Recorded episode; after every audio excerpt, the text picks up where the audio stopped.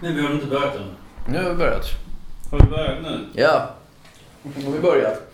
Okej, välkomna till eh, Fontänbubbel och bakom kulisserna. Och jag, som vanligt, ska vi prata lite om ett ämne som vi har kanske bara dryftat lite grann i veckan. Och idag är vi många män i rummet, som vi nyss sa, så jag välkomnar Peter. Hej.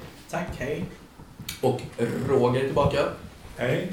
Välkommen. Tack. Eh, Filip, välkommen. Tack så mycket. Liksom Peter, det är första gången ni är med i just det här sammanhanget va? Ja. Mm, kul. Eh, David tillbaka. Välkommen. Och Olof, Ja, jag är också tillbaka. du är tillbaka igen ja. Välkommen. Första gången för i år. Ja just det, första gången för i år. Mm. Och Buster är tillbaka. Tack. Eh, ja, och vad vi egentligen pratade lite om i veckan här, det var ju att, och det kanske inte är ett helt så här superdefinierat ämne, men vi pratade om kreativitet, genialitet i, i dess yttre form och eh, om det nu är så. Och så pratade vi lite om det här, ni vet den här gamla klyschan som man kan säga om, om band egentligen. Det var så diskussionen började, att ja, ett band har tre, fyra bra plattor i sig. Eh, och utifrån det så skulle man kunna tänka sig att, ja, hur är det med oss människor då? Har vi två, tre bra perioder i våra liv? Har vi pikar som är, har, har, får vi en dos av kreativ kraft som, vi, som portioneras ut? Antingen kan vi styra den, är det så? Förstår ni vad jag menar? Mm. Är det någon som har några tankar om det här? Alltså jag, jag, jag tycker väl att det, det stämmer lite grann in på mig. Va? Mhm. Jag har ju skrivit eh, fyra böcker. Eh, Jag har skrivit fler egentligen, men fyra facklitteraturböcker. Mm. Och jag, eh, har, jag skrivit böcker om, om strategi och taktik och operationskonst och stridsteknik och så. Och jag har, de är två, två böcker på 500 sidor var. Och där har jag ju redan beskrivit hur ska vi försvara Sverige bäst. Mm. Och eh, när, det, när jag då har skrivit klart dem så hamnar jag liksom i, i, ett läge där jag, ja, jag har gjort det här, nu vet jag hur vi ska försvara Sverige. Men sanningen är den att det utvecklas hela tiden. Eh, hela försvarsindustrin och hela komplext med militär och, och allt möjligt sånt som jag har skrivit om. Det utvecklas ju. Mm. Och det är inte säkert att om 20 år så då, då är det ju inte troligt att det- är giltigt längre. Mm. Om man säger så. Men jag tycker ju att jag har skrivit det bästa som går att skriva. Mhm. Men då pratar du egentligen, du, eller så här, du har ett specifikt, väldigt specifikt tema Ämnesområde. och ämne som du skriver om. Eh, och, men menar, hur, hur har du känt personligen när du skriver? Ja, är du klar? Liksom? Förutom du kan ju revidera och utveckla det. Har, Men är det din kreativa peak liksom? jag har skrivit nu i, sedan 2012 eller 2011, 2012 kan man säga. Det är alltså åtta år. Mm. Men de, de första sex åren var jag mycket aktiv i skrivandet. Och sen de här senaste två åren så har jag blivit... Eh, de, är, de är klara. Alltså, jag har lagt ner så mycket tid och energi och lagt till lite nu också, inte för så länge sedan. Men nu är de fasiken klara. Så om det är någon som vill publicera dem så får de gärna göra det. Mm. Det är bra lite reklam mitt i, Ja. i podden här också. Eh, men om man, jag tänker om man någon annan hugger tag i det, för det är intressant tänker jag då att de är klara nu. Vad tar man vägen sen då? då? Sen försöker man att få tag i en, en eh, förläggare. Ja men precis, men jag tänker nu utifrån, inte om vi bortser från det, utan bara den kreativa processen. Nu är jag klar. Ja, då blir Vad tar man vägen då? då försvinner lite grann av den här eh, kreativiteten. Alltså, man har skrivit det färdigt och man vet att man är färdig. Det tog åtta år innan jag visste att jag var färdig. Och jag trodde jag var färdig efter två. Men Mm. eh, det gick sex år till. Och Mm. jag la till och la till och la till och ändrade och tog bort lite grann också. Mm. Men nu känner jag att eh, jag är färdig med det projektet. Mm. Nu skriver jag andra böcker. Olof, du eh, hade någon liten infallsvinkel här. Nej men det var för att berätta mina egna, jag vet inte nu jag är färdig där, men mina egna erfarenheter lite grann. Jag, jag har ju skrivit en...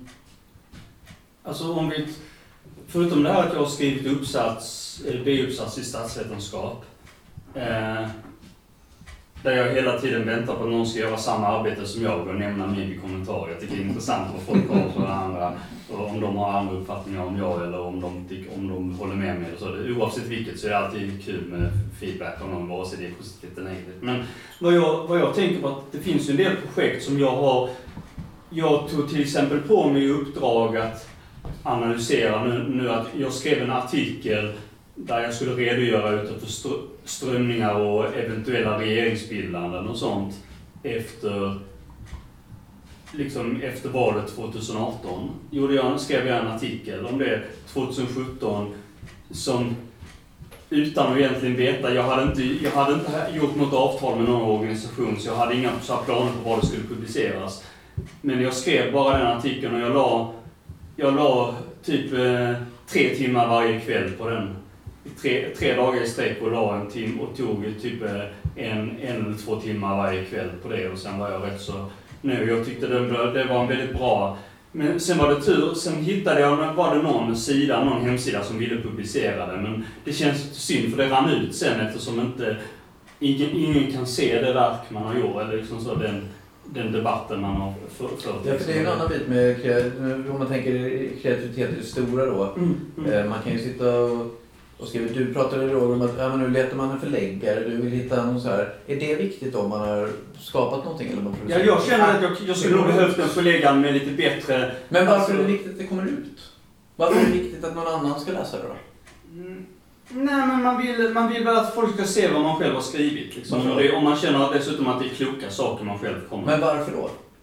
Nej, men man vill, man vill dela med om man har lagt ner, ner, ner, ner, ner energi på, något, på någonting så vill man att det ska komma fram. Och det kanske är liksom lite ny, inte ny, kanske lite nytänk i vissa sammanhang och så, Mm. som man vill dela med sig av. Men kan det vara kopplat till det kreativa på något sätt? Tänker du säga att man, man har lagt tid? Ja, man har, man tid man har lagt tid och liksom kreativitet, man har ändå tagit sig, Man har tagit, sig tid till att göra det. Det är liksom det ändå tänker, då vill man ändå även om Liksom, visst, man kan ha det som en merit att man har liksom, men, men det är liksom på något sätt ändå man vill, eh, man vill att eh, det ska liksom uppmärksammas i alla fall lite. Att Mm. det liksom för jag tänker lite bara, vad, vad, vad, vad är det för, vad har det för betydelse egentligen, Peter?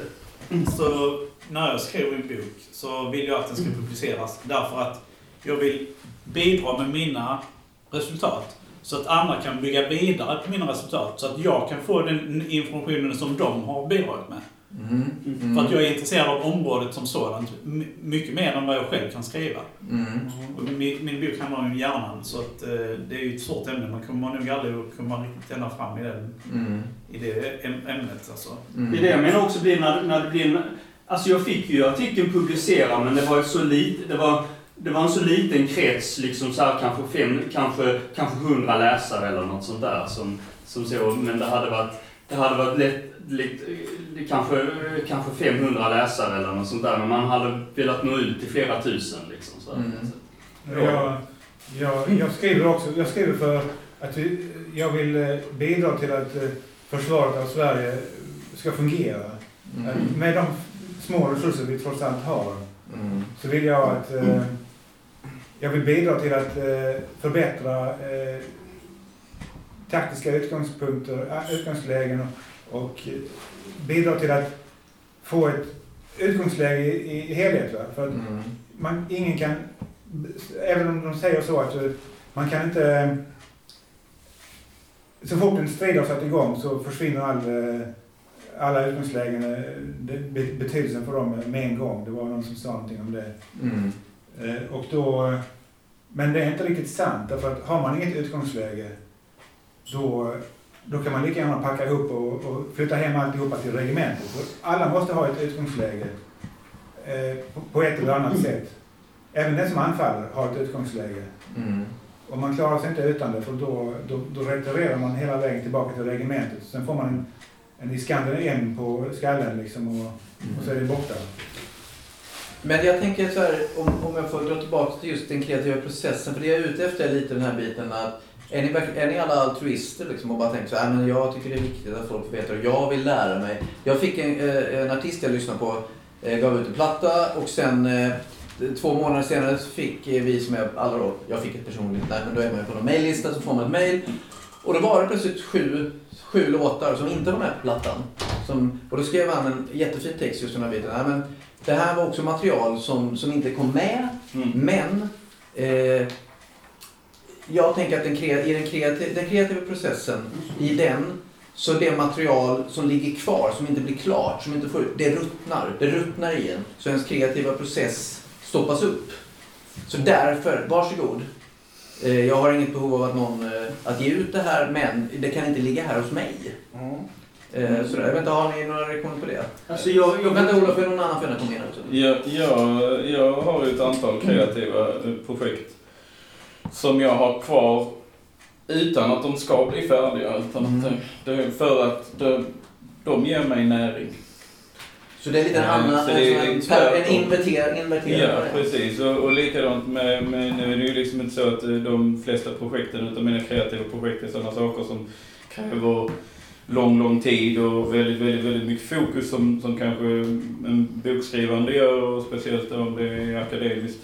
Ehm, men för mig är det ju, alltså så fort jag är klar med någonting så är det ju bara kasta över axeln. Är det någon i närheten som vill ha det, det är jättebra.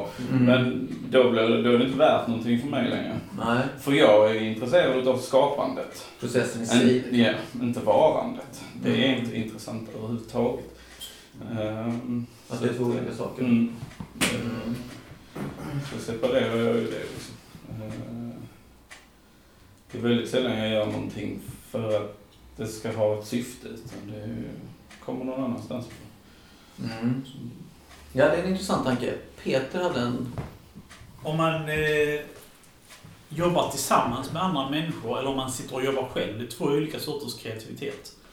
Eh, jag, mitt arbete har ju varit eh, att sitta själv och jobba. Jag, Mm. jag, jag pratar inte med någon annan, har inte pratat knappt någonting alls med någon annan om mina resultat eller hur jag tänker och så.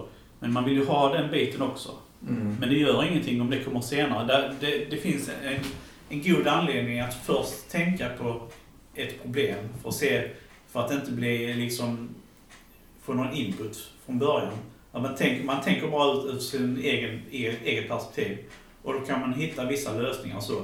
Och sen när man tar in någon annan så kommer det andra lösningar eh, som kommer upp i dagen. Men om man gör tvärtom, att man samarbetar med andra först, då tror jag att det blir svårt att sen eh, få fram de där egna lösningarna Mm. som man hade haft om man hade varit helt blank. Mm. Nej, då är det ju uppblandat redan kanske på något sätt då med... Alltså man påverkas ju av andra, vad andra tycker. Mm. Och, eh, och ofta så kan en person lägga fram det på ett så bra sätt som man tänker oj, det där var en riktigt bra idé. Och sen så då, då köper man det, då lagar man ner det i sin hjärna. Och sen så Mm. ligger det för grund för fortsatt tänkande. Ensam är stark kan man säga. Men man alltså, att man, eh, man, eh, ens egna idéer, alltså genialitet, om vi ska snacka om det lite grann. Det är ju liksom, kanske som du säger då, att det är någonting man gör, utgår ifrån sig själv. Det kreativa. Det kreativa. Du förstår vad jag menar? Jag förstår vad du menar. Jag tänker att, att eh, men genialitet och kreativitet är ju inte samma sak. Nej, det behöver det inte vara. Men eh, nu vet jag ju att Peter är väldigt intelligent och eh, jag, jag ska ju korrekturläsa hans bok sen när den är klar. Så jag tror att han har utgått från sig själv och sina egna tankar om hur saker och ting fungerar. Mm. Och då har inte han... Då, då kommer det. Alltså, alla de stora genierna, de arbetar ju utifrån sina egna... Sin egen person, så att säga. De har narcissistiska Ja, personlighetsstörningar. ja många har det. Nej men jag skulle komma in också för jag har inte haft Nej, jag vet, jag vet att du ska få komma in. Men han har fått ha det ganska mycket längre. Alla här har fått ha ganska mycket längre än vad jag har. Orättvist! Orättvis värld. Vem klockan? Eh, var du klar eh, Roger? Ja, i princip har jag. Mm, då kan Olof få ordet. Ja, nej men eh, det första jag tänker, du frågar om det här med a- altruism, om man har altruistiska drivkrafter eller inte. Alltså, det beror på vad man lägger i det. Jag är ju inte, när det gäller att skriva enstaka artiklar och så, så är jag ju inte, jag är inte det minsta intresserad av att få betalt för det. Liksom. det utan jag vill väl i så fall bara att, eh, liksom att andra ska lägga märke till vad man själv har bidragit med. Mm. Om man känner också att man har bidragit med något viktigt så, eh, så, så kommer det fram också. Eh, sen tänker jag väl lite grann mer allmänt på det här med kreativitet. Eh, att, eh, att jag skulle... Att, men, jag, men jag ska fundera lite, jag ska fundera lite grann på, den, på vad jag skulle ha sagt här, så jag låter, kan släppa fram någon annan så länge. Jag tänker Filip har någon tanke? Ja, nej men just eh, att diskussionen hittills om dialogen är att kreativitet är ett ganska stort ämne inom så många områden. Mm. Eh, och alla kanske, ens förutfattade mening kanske inte är så stor utan alla har sin egna lilla bild på vad kreativitet är. Så här har vi ju vetenskap. Man sätter likhetstecken mellan vetenskap och kreativitet. Mm. Och, och ja, eh, musorna som fanns förr i tiden, de fanns också med vetenskapen. Men min musa är kanske knuten inte till vetenskapens mus utan kanske den som har balladen. Mm. Så det finns ju kreativitet på många olika sätt och de tar olika former. Mm. Eh, min kreativitet kan en, den är mer explosiv och kortvarig och skulle aldrig klara av den mängden att skriva en bok på flera år. Utan jag tappar, tappar. Är jag inte i ett flow så eh, finns inte den glädjen att kunna bara stå ut. Utan det, därför blir det ofta en ballad eller en text som kan bli färdig i stunden. Mm. Eh, så, så ser de väl ut för mig. Går du aldrig tillbaka? Alltså, så här, för, för, du håller helt med, det finns ju helt olika eh, utlopp för kreativitet. Men, men jag tänker också att man kanske ofta inbillar sig utifrån så som man har fått utlopp för sin kreativitet. Det här är min. Och då tänker jag, går du aldrig tillbaka till? Är det så att det måste bli, det är klart nu, för sen kommer inte det tillbaka? Eh, vilket? Ja, men du sa ju Flow. det är explosivt och så jag flow och då blir det en text eller en ballad. Eller Ja, jobbar du nej, vidare jag- sen med just den balladen? Ja, jag har väl lyckats. Jag har aldrig lyckats köra färdigt en hel låt under ett flow. Mm. Och då blir det ju en styckad låt. Och då kommer jag säkert tycka att den första delen var den absolut bästa. Mm. Och sen så blir det att, att klistra ihop två delar som känslomässigt inte var likadana. Och då får du ett, ett, eh, ja, en sammanslagning som egentligen inte är naturlig. Eh, Okej. Så jag har nog ett mål att kunna göra färdigt någonting under ett flow. Då tror Mm. jag att den blir, den blir så känslomässigt sanningsenlig eh, som jag vill att min konst ska vara. Mm. Att den kan gå i ett, i ett svep. Som ett block. Liksom. Men, eh, men självklart eh, försöker jag lära mig att bli eh, mer musikalisk och spela så att man skulle kunna göra en låt. Och då får man ju använda sig av det man har. Och då är det ju att titta tillbaka på det man har skrivit och försöka skapa vidare. Mm. Eh, en annan sak med, som vi hade innan, de här topparna. Då tänkte jag egentligen på eh, eh, idealiseringen av ungdomen, ungdomskulturen. Och tänkte på, liksom jag har fortfarande Ulf Lundell och Bob Dylan idag som fortfarande är eh, kreativa själar. Men det är ju inte de man föreställer sig, de gamla gubbarna, utan man ju tänker dem när de är i 20-25 års ålder. Mm. Och alla pop-ikoner ligger ju under 30. Mm. Sen så tappar de sin, sin kraft till allmänheten, eller allmänheten visar inte lika stort intresse för dem. Mm. Jag vet inte om det är just att innehållet i deras texter blir sämre, eller just att de hade sin största kreativ, kreativitet un, under den här tiden som gör att de hade någonting som de inte kunde få tillbaka senare. Mm. Det är ju en jätteintressant tanke att hur, hur det speglas i av den värld som finns runt omkring som också växer upp med Mm. de här personerna. Intressant. Peter och sen Mm. David. Vad är det kallas? Guldlockszonen. Jag tror det finns en guldlockzon i kreativitet. Mm. Att om du har en viss... Om du inte har någon information i ett, i ett ämnesområde, då är du blank. Du, kan, du kommer inte på några idéer.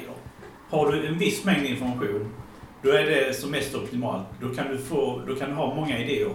Har du för mycket information, då, då blir idéerna mindre nytänkande och mer baserat på det som redan finns. Mm. Kanske bara varianter av det som redan finns. Mm. Eh, Jag tänker mig att eh, det kan vara lite så också att det har att göra med att det här med att eh, man tappar kreativitet. Att man, man ökar mängden information i ämnesområdet så det blir för mycket information. Mm. Och så minskar Kvävs någonting i det liksom. Ja, det, det, liksom fyll, det blir mättat. Mm. Om jag får komma in där så kan man dra en parallell till exempel hur man ser när det gäller ens politiska engagemang eller någonting. Alltså det är ju, om man, är, om man är, har något, så det är lättare att engagera sig när man kan.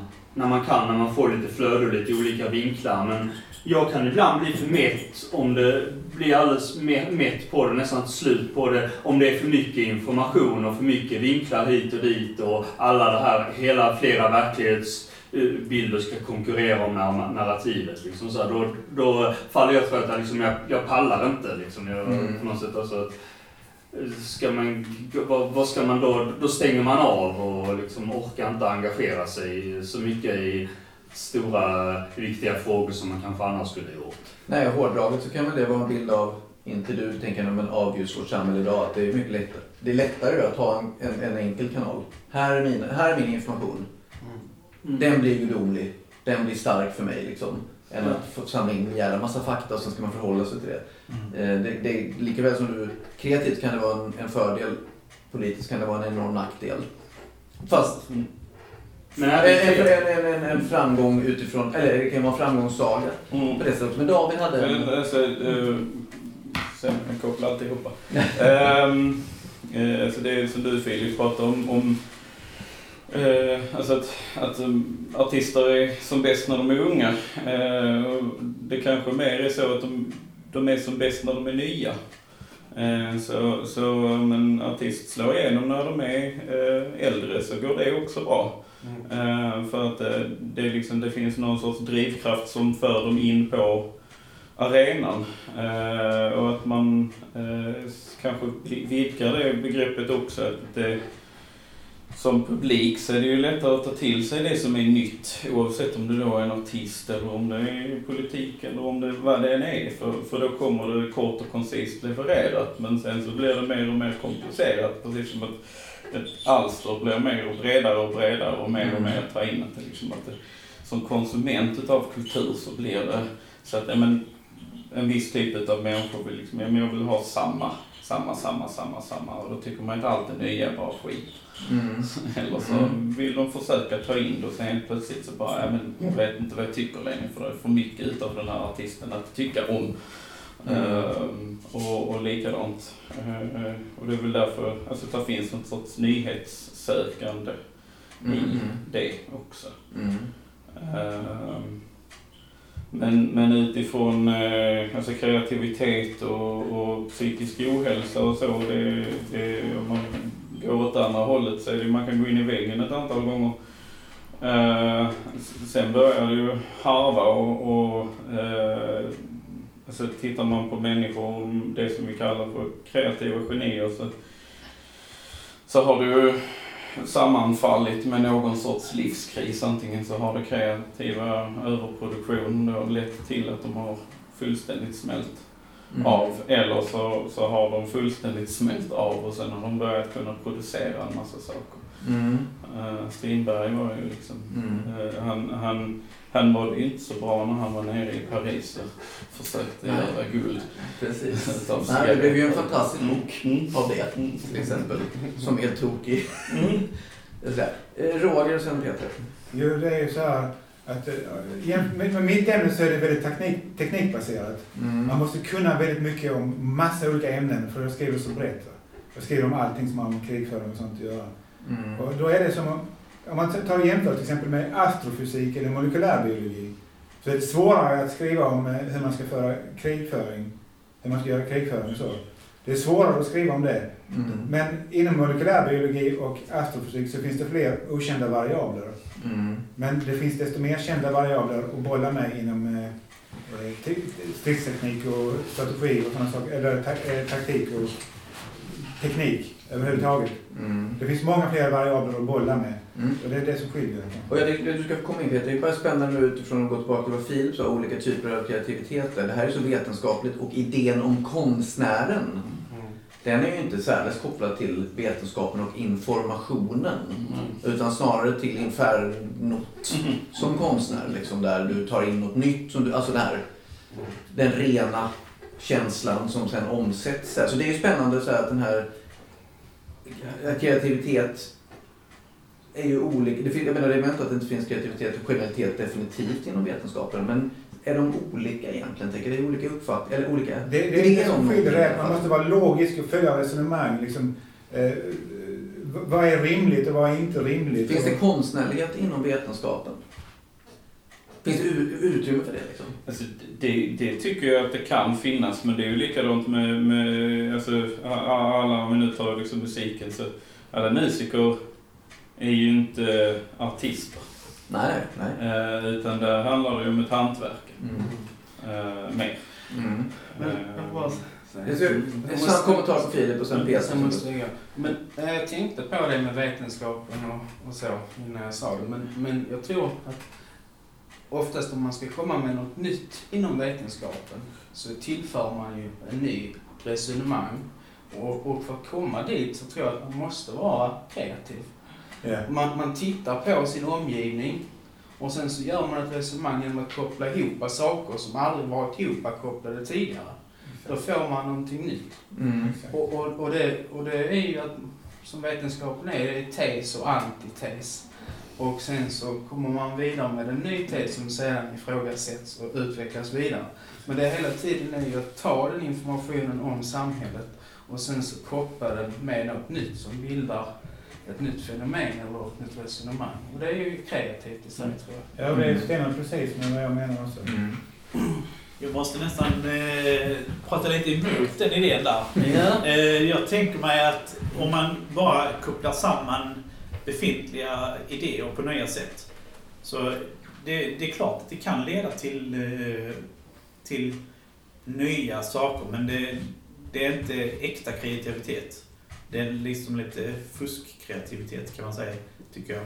Eh, och det, jag tror det, det kan leda till nya saker, speciellt i början av ett område. I början av ett nytt forskningsområde så kan man göra så, men det förlorar sin effektivitet tror jag efter ett tag. Men var finns kreativiteten i vetenskapen om det inte ligger där? Det finns tre sorters kreativitet som jag kan tänka mig just nu. Det ena det är det här logiska. Jag tar, bygger ihop, bygger logiskt på ett logiskt sätt. Jag, jag vet egenskaper i olika egen, innehåll, eh, eller olika eh, byggblocks egenskaper som man kan bygga ihop. Mm. Det är en, sak, en sorts kreativitet. Sen finns det en annan sorts kreativitet som by, bygger på eh, ökad aktivitet i hjärnan. Du samlar på dig en viss mängd information. Din hjärna blir som ett kompakt pussel som inte tillåter några speciellt mycket aktivitet. Men så höjer du aktiviteten i hjärnan och då lossnar pusselbitarna och de, de börjar röra på sig. Och du kan få i mellanrummen mellan pusselbitarna så får du nya idéer. Mm. Sen finns det en tredje variant som jag också själv eh, råkat ut för. Det är att man konsumerar sina egna, eh, sin egen hjärna. Mhm. Eh, Hur menar du då? jo, eh, jag, jag har ett ord för eh, delar av hjärnan jag kallar för fyremer. En fyrem är en viss funktion i hjärnan eller sparande av ett minne eller så vidare. Och hjärnan kan konsumera sina egna fyremer. Access, eh, gör åtkomst till fyremen och eh, ruckar på den så att den spyr ut sitt innehåll och sen försvinner. Mhm. Eh, och, och, och, och i den utspringandet och innehåll så, så tack vare att hjärnan är som ett associationsnätverk så bildar det en viss sorts nya idéer. Mm. Men, men det är inte den bästa version, eh, varianten. Det, det, Men är det, är, det, är, det, är så? Eller är det någonting du har tänkt utifrån en egen teori? Eller? det är en så? egen teori eh, av hur jag har upplevt min egen funktion. Ja, precis. Så det, det är inte en vetenskapligt belagd tes. Jag bara undrar vet, om det är så, för det låter väldigt spännande. Alltså, jag, jag tycker det känns väldigt tydligt att det är så. Mm. I Men min det är du min som känner det fall? Mm. Det är bara jag som känner det. Mm, mm, mm. Jag vet inte, det finns säkert fler som har känt liknande. Om Mm. det sen eh, visar på något äkta eller om det är mer en illusion, det kan jag inte svara på. Mm. Jag måste tyvärr gå. Ja. Tackar så hemskt mycket för att jag kunde vara med. Tack Filip. Och vi- om jag vet att Buster, du hade ju egentligen en replik tror jag på, Men på inget hantverken. medan han går ut för det blir dubbelt ljud här kanske. Nej, det är ingen fara. Han kommer gå tyst. Okej. Nej, Buster hade någon kommentar förut här. Nej men, eh, eh, nej men det är bara en reflektion, vilket är himla intressant i, det här, i den här diskussionen. Vi pratar om kreativitet. Eh, och, och, eh, jag menar Roger och, och Peter, det är ju egentligen kreativitet med den högra hjärnhalvan. Alltså logik, alltså mycket vetenskap och logik. Det är vänster hjärnhalvan, är det inte det? Eller, nej, jag tror det, det, Hö- Högra hjärnhalvan är fokuserad på helheter och harmoni och sådana grejer. Mm. Vänster hjärnhalvan är mer på språk, eh, log- logik och... musikalitet och vad är det är det på den högra hjärnhalvan. Mm. Ja, det är nog Ja, det. det kanske men då, då blir det tvärtom. Men, alltså, så att du har, alltså, eh, när Filip pratar så pratar han ut eh, kreativitet utifrån konst och musik och sånt. Och ni pratar om kreativitet utifrån eh, eh, um, avhandlingar och teknik och, och lärande och sådär. Så, det, är ju intressant. eh, det finns, eh, eh, Alltså det är ju det är, det är kreativt båda två sakerna. Men man använder olika delar av, alltså högra eller hjärnan, vänstra hjärnhalvan. Jag skulle vilja påstå att eh, man, man eh, använder båda hjärnhalvorna alltid. Men det kanske är en som är mer kopplad till just det som man sysslar med för stunden då. Alltså vi, vi använder bara 10% av vår hjärna åt gången. Men vi använder ju hela hjärnan eh, över olika moment, vad vi gör, i, vad vi nu gör för någonting. Om vi sysslar med matte, eller om vi sysslar med språk, eller om vi, om vi, om vi konverserar och så. Så att vi använder 10% av hjärnan vid samma tillfälle, en och samma tillfälle. Men vi använder 100% av hjärnan över tiden. Så vi, vi, visst har du rätt, men det är också så att kopplingarna mellan vänster och höger hjärnhalva är otroligt viktig. Det finns eh, till exempel människor som har, som har, de har, de har varit tvungna att kapa för de har, fått, de har haft eh, sådana här eh, seizures, eh, eh, vad heter det när man får Epilepsi. epilepsi. Och då har de kapat eh, ledningarna mellan höger och vänster hjärnhalva. Då har höger arm gjort en sak. Och sen helt plötsligt kommer vänster arm in och, och försöker göra, ogöra det. Liksom, och de har ingen kontroll över det. Mm. Så det, det där, de är nog båda två involverade Ja, alltid. precis. Alltså det som jag menar med det är ju det att jag menar, om, om man är kanske konstnärligt lagd och kanske hemskt dålig på matematiken och sådär, då använder man ju mycket mer utav sin högra hjärnhalva. Sen använder man ju bi- bitar, men det är ändå den som är dominant kanske i det kreativa, kreativitet som, som, man, som man använder sig av. Menar kanske någon eh, matematik eh, eh, eller något sånt har en dominerande, alltså mer dominerande andra halva. halvan. Man kan säga att man har en större kapacitet i den delen av hjärnan som man är bra på. Ja, Och man kan träna upp den delen också. Ja. Och bli bättre på den om man är musiker till Ja, men exempel. precis. Så- Men det är ändå två olika, alltså, det är ju två olika kreativiteter som, som kommer från helt två olika Men jag, jag tänkte komma in på en sak, alltså när det gäller det här med kreativitet och matematik. Alltså jag tycker det finns ju en viss oro. Jag kan se en viss eh, problematik när, när man kommer till det, när, när det gäller den kreativa processen, när den blir så beroende, när musik och sånt och media överlag, eh, att det blir så olika, att det blir så beroende av algoritm, algoritmer och rä- räknar så att människors egna kreativitet försvinner. Det är liksom någon maskin eller något som räknar ihop allt och, och, och det, här, det här låter på ett sätt som folk tycker är bra. Det här är en standardisering, alltså den här standardiseringsprocessen inom... Det ser vi ju i hela Spotify streaming Ja. när man skapar AI-algoritmer som skapar avslappningsmusik, som skapar de här och skapar, som inte ens är gjort av människor. Mm. Peter hade en tanke. Ja, jag skulle bara säga att jag ogillar den här uppdelningen av hjärnhalvor. Alltså, jag tycker den boxar in tänkandet om hjärnan i en viss typ av diskussion. Alltså. Så jag skulle... Jag, jag, det, det, just att hjärnan har olika funktioner är bra. Att den kan vara... Den kan se helheter, och den, den kan vara logisk eller den kan vara eh, musikalisk. Alltså det är olika funktioner hjärnan har. Alltså var det sitter någonstans, det, det tycker jag har mindre betydelse. Eh, och sen var det en sak jag skulle säga, men det har jag glömt nu. Du kan komma tillbaka sen. Jag tänker David var också inne här. Ja, nej, men alltså just det här med olika former av kreativitet, det är... ehm, ehm, Så det, det absolut mest kreativa jag har gjort i mitt liv. Jag var i en period där jag kämpade jättemycket med att överhuvudtaget existera.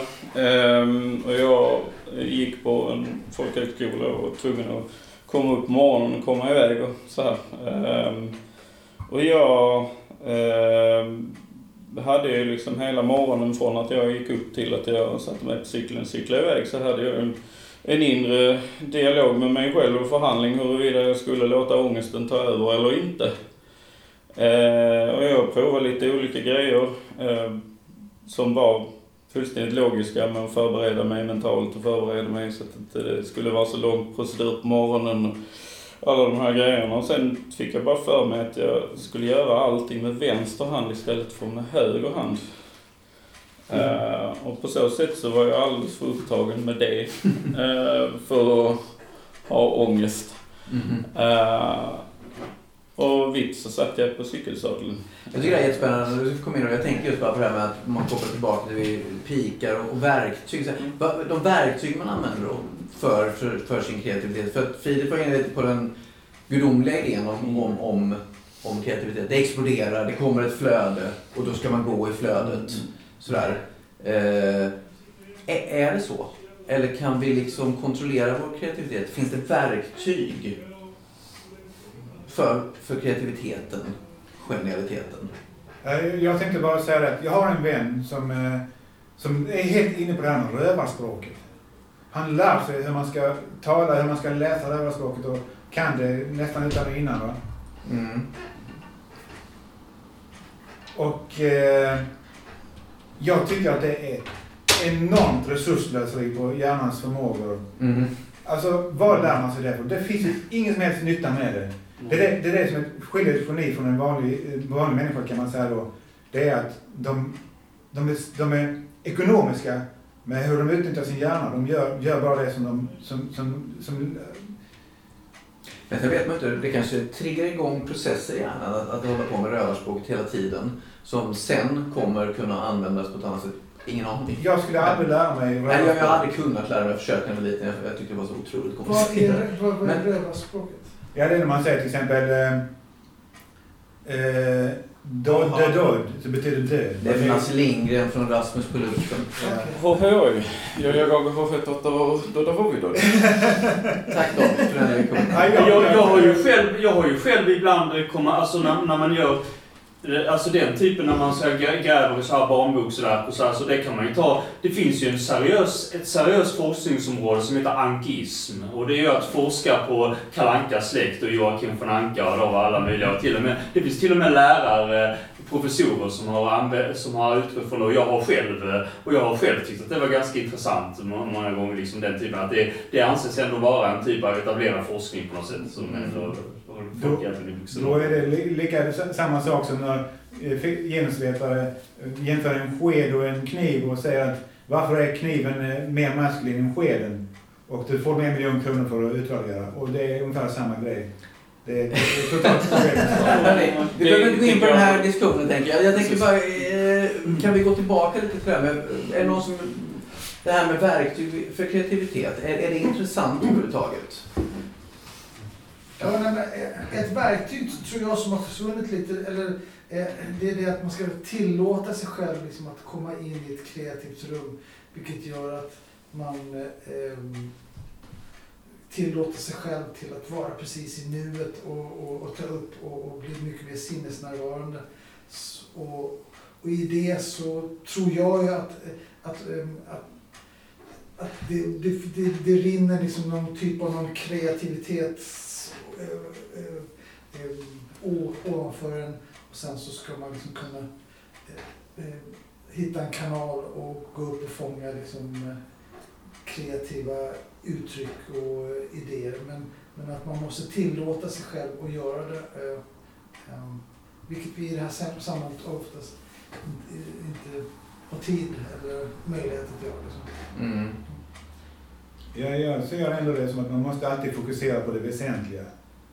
Men det säger inte emot det du, du, du säger. Men att eh, man ska, vara, man ska fokusera på det väsentliga Mm. och, och vara så ekonomisk som möjligt med sin, med sin hjärna. Så att får man ut nästa möjliga av det så, så tror jag att... Eh, du har något effektivitetstänkande kring Ja. Men kan man, ta, kan man tänka som det, på det som ekonomi, att det, att det finns, att det är hushållande av resurser, liksom, att det inte finns, kan man inte, kan man inte tolka det som att hjärna, att hjärnan, att det, finns utrymme hela tiden, man aktiverar ett visst eh, sparkonto och kanske kör, kör, kör, lite, kör lite slut på det, men man har andra man har, och i så fall om man tänker ekonomiskt, att det finns andra områden, andra sparkonton som man har byggt upp som man kanske inte spenderar så mycket just då. Nej, då var inne lite på när vi börjar med de olika piken och vi får en dos. Ja, så, men Peter, David, eh, Roger.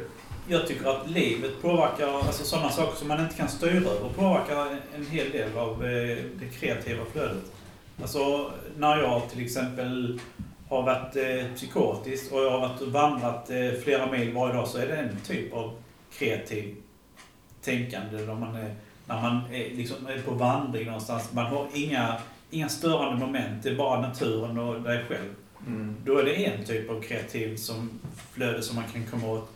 Sen när man, när man sitter med programmera en dator det, med programmeringsspråk, då det är en helt annan typ av kreativt flöde.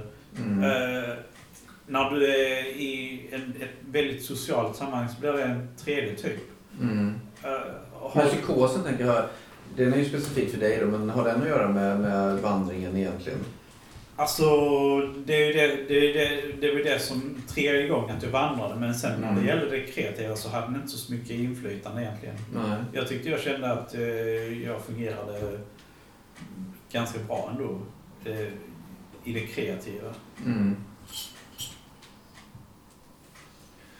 David? Mm, alltså, ja, precis. Eh, kommentar till vad du sa. Att, ehm, alltså, där, där, där var det ju, där var det ju liksom, eh, psykosen som, som var det som drev på. Eh, eller eh, det kreativa rummet som Buster sa. Eller att hålla sig i inramningen vid det som är väsentligt. Eh, att, och, och, och även om man tar in det ekonomiska i det hela, att det är liksom i, i, vissa fall så är det, är det ju kanske att se det som hushållning. Jag kan också se det som eh, till mina projekt pågående som aldrig ska bli klara. Att det handlar ju om, det handlar ju om, om förädling och hantverke eh, utav resurser. Så det, det är ju inte bara hushållande utan det är liksom eh, men, men när det, det är ju i skarpt läge som, som eh, det bästa som jag har skapat har blivit skapat. Mm. Eh, det har ju Vad varit skarpt? Vad är skarpt läge? kris. Kris. Mm. Eh, det, det är ju inte... Och det, det finns ju, det är ju, alltså myter är ju myter utav en anledning och eh, myten om det plågade geniet är ju Mm. liksom ganska så väl etablerad. Mm. Eh, och, Jag tänker bara att den är intressant. för Det är klart att den är det. Mm. Så, sen är den ju inte all, allenarådande. Men även det plå- Jag tänker just att verktygen. Om du inte har verktygen, Mm. hantverket, om de, vad tar du vägen med ditt plågade sinne om du inte vet vart... Jag menar, det kan ju vara så att du plågad på det och bara poff, ja det kom ut och jag Vänster hand. Ja men precis, men du, då var det ju ändå en... Jag, jag tänker att kanske för alla är det ju inte så. Det är många geniala tankar som går Mm. förlorade Mm. för att verktygen inte finns där. Mm. Kan jag tänka lite kring Roger. Ja, jo, jag tänkte återknyta till det du sa Olof. Eh, Mm. eh, Det här, du, har, du, du har ju säkerligen hört talas om och hans rakkniv. Ja, absolut. Och det är väl lite det jag tänker, alltså, att man ska skära bort överflödigt fett. Och, Man ska skära skära bort överflödet och, och, och fokusera på kärnan så att säga. Ja. Och det är väl det som jag tycker är viktigt om man ska få en effektiv hjärna, som man måste göra. Mm. Ja, men jag, jag skulle nog gå lite emot det. Fast det kan man inte riktigt gå emot kanske. Men alltså, jag tror att det, det ett av de största hinder för kreativitet. Det är en själv för att man är för... Eh, eh sens, alltså man censurerar sig själv för mycket. Och eh, man är rädd eh, för vad andra tycker om eh, sina idéer. Och, och, och där i, i det... Alltså om man, jag vet inte om jag misstolkar det som du säger, men, men om man skulle om man skulle sätta för stora krav på hur man ska få in kreativitet, då, då, eh, då, då kanske risken för att man går miste om så mycket, alltså jag tror mer på att släppa in så mycket som möjligt och eh, eh, eh, och bejaka liksom allt i ett, ett, ett, kreativt... Det finns ett... ett, och, och inte censurera sig själv eh, för mycket i början för att annars kan man inte vara kreativ. det finns en vedertagen term som säger så här. eh, Man måste kunna kill your darlings. Alltså, eh, man ska inte presentera känslor som kill your darlings. Vad är det man brinner för? Kanske inte riktigt brinner för, men alltså vad är det man, man vill gärna skriva ner? Man vill gärna skriva ner det. Men man bör nog inte göra det. Man ska kill your darlings. Men är inte Kill Your Darling, då, då har du redan gått förbi en massa Ja, steg. Tänker, då har du redan samlat in alla dina darlings Ja, och är i steget vad du ska använda. du har redan skapat någonting. Eh, jo, det är sant. Det är sant. Det, men man måste ändå kunna göra det. Ja, gud ja. Det, Ja, det tror jag på. ja. Absolut. Men, men, men, men det är visst... Ja, nu blev det nästan svaret på vad jag skulle säga här. Att jag håller med dig Buster, att speciellt i ett inledningsskede så måste man vara väldigt, ha väldigt låg grad av censur på sig själv. Alltså någonting som verkar helt meningslöst till att börja med kan faktiskt leda till någonting som leder till någonting och plötsligt så har du någonting vär- värdefullt. Och du måste börja... Du, du, det finns ett sätt att börja skriva text. Och låt säga att du ska sitta och du ska skriva en skönlitterär text. Och du kommer ingenstans. Men det finns en metod. Det är att bara skriva det första du tänker på. Bara, bara, bara fyll på med ord. Det spelar ingen roll om det, det kan vara nästan helt en rappakalja. Ja. Men när du börjar skriva och sen så plötsligt så kommer du igång med skrivandet. Och då kan du få ett innehåll som, som är faktiskt är värdefullt. Ja, men precis. Och eh, kan jag svara på den som...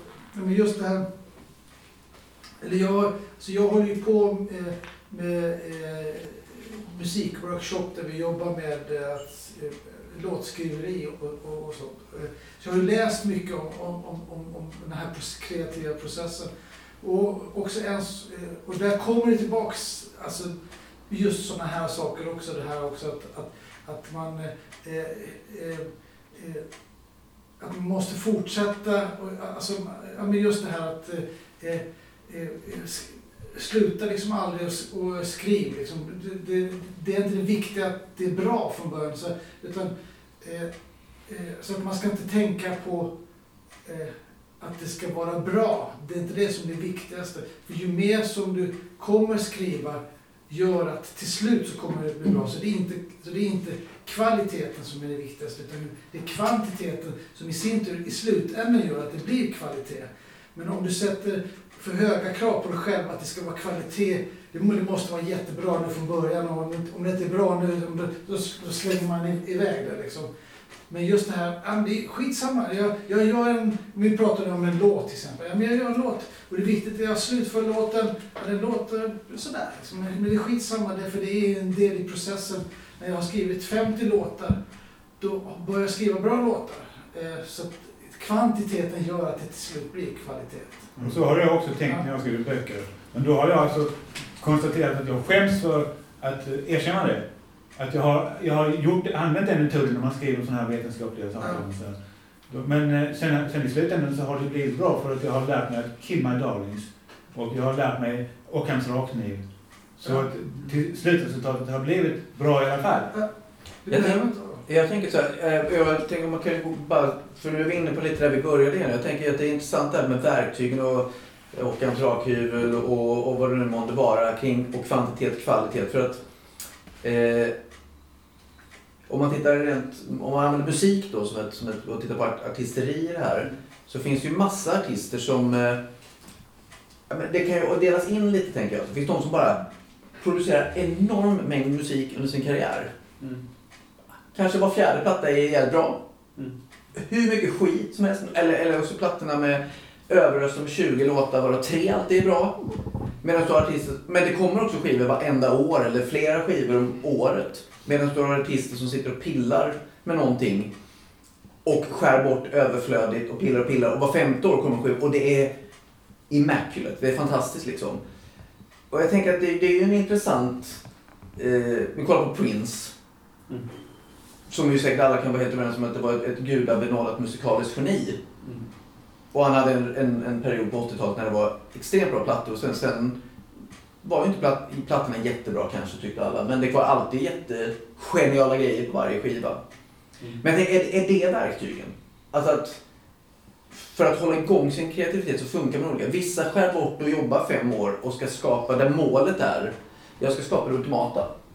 Och har på något sätt verktyg för att kunna göra det. Medan andra inte har det utan det måste hela tiden bara flöda. Det, man har inte den förmågan. Du förstår hur jag tänker lite? Det beror helt på hur mycket tid man har. Mm. Det är väl det som avgör. Ja, alltså, jag får flika in. Ja. Ja. Ehm, alltså just det där med, med skillnaden mellan de som, som producerar och väldigt mycket och klipper väldigt mycket. Att, att eh, det kan ju vara så att de har olika, att det är lite samma process.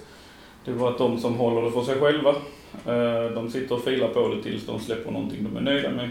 Mm. Eh, och på så sätt, eller och på det sättet så, det är så de mördar sina älsklingar.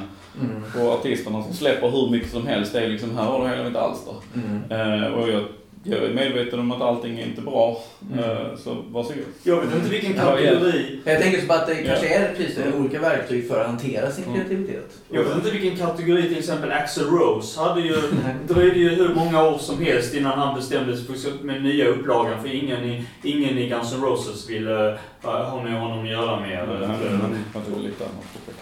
Och så hade han en egen, så hade han ett eget, så, så bildade de en, en egen nystartning. Men, men, men, på något sätt, men det tog, det tog 10-15 år säkert innan, innan hans nya eh, projekt så här, Chinese bra? Democracy. Det vet jag inte. Jag vet inte hur, det har väl inte blivit det har väl inte blivit riktigt någon sån här comeback liksom sådär som man kanske hade hoppats på. Men, eh, men det blev i alla fall, vi blev för, förvånade flera av oss när vi, när vi spekulerade, jag och några kompisar för tio år sedan. Det var några som hade slått vad man nej det här kommer aldrig bli av, det kan du glömma liksom. Mm. Så, så, man, men, eh, men, men, eh, men det, det blev, eh, jag vet inte riktigt vilken inställning han hade till, eh, till det här. Om det var att han ville få det per, perfekt eller om det, han trodde att det blev mycket bättre än vad det blev eller så. Det vet jag inte. Men du vill säga någonting? Ja, eh, jag och min far, vi hade en, en, en rolig lek som vi körde ett tag. Och det var att man skulle testa sin kreativa förmåga.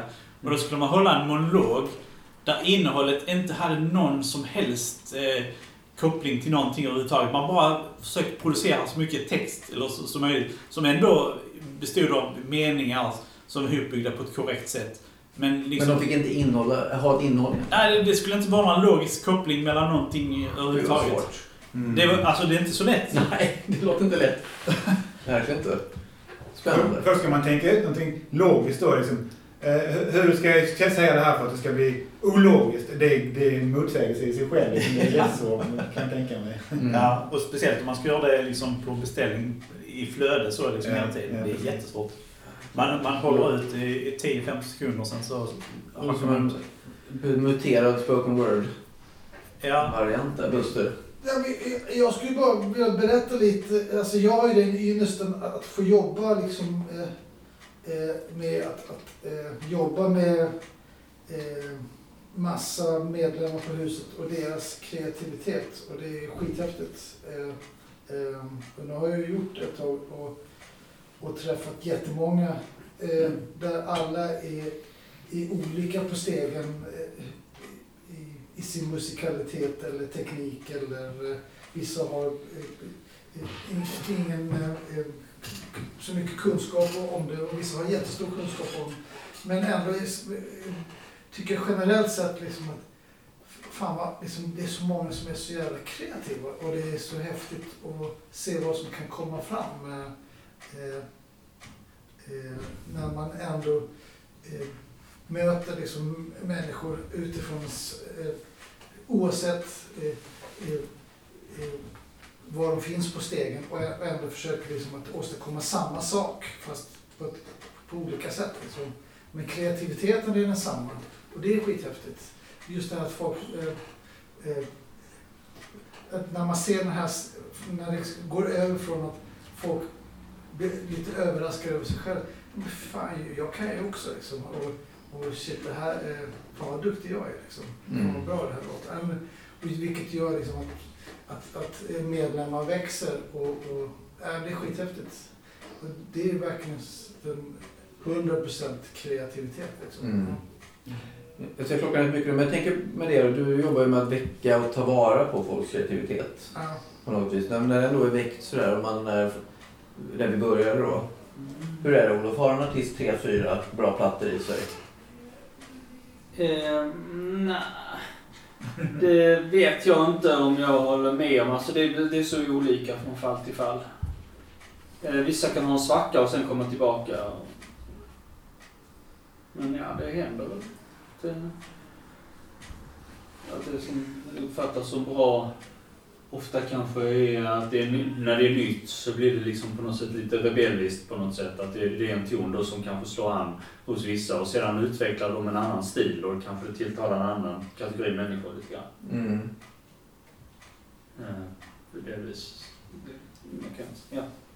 Jag tror faktiskt att det ligger någonting i det där med 3-4 plattor. Men jag tror att det är så här att när de producerat de här 3-4 plattorna så har de en chans att dra sig tillbaka, göra saker som, som eh, kanske kan få dem att få en ny period igen. Alltså de Mm. kanske ägnar sig åt någonting helt annat ett litet tag. Mm. Bergsklättring eller, eller eh, golf eller någonting. Bara så att de kan rensa hjärnan Eh, efter ett tag, efter en viss tid, så kan hjärnan startas om och man kan få en ny period av kreativitet. Mm. Men i väldigt många fall kommer den ju inte. Om man tittar historiskt på många artister som har gjort Kanske sina- inte i samma, inte i samma starka flöde kanske som de en gång har haft. Men det, det beror lite på var man sätter liksom kravet också.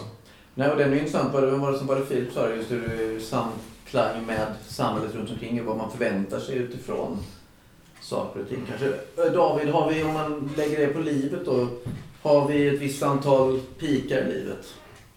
Som vi kan portionera, eller som vi kanske inte kan portionera ut, men är det så det är? Tre, fyra pikar i livet. Annars är det grått. Om vi, om vi, eh, om vi återgår till, till det ekonomiska perspektivet så vill jag mena på att om man hushåller med livet tar det ju slut. Men om man investerar så får man ju god avkastning. Alltså det är så fina avslut. Tyvärr, jag tänker att Roger och Buster, ni får inte komma in för det. För att eh, det var ett så bra, bra avslutningsord på det hela tycker jag. Alltså. Eh, kanske både på kreativitet och liv. Tack. Tack. Varsågod. Tack.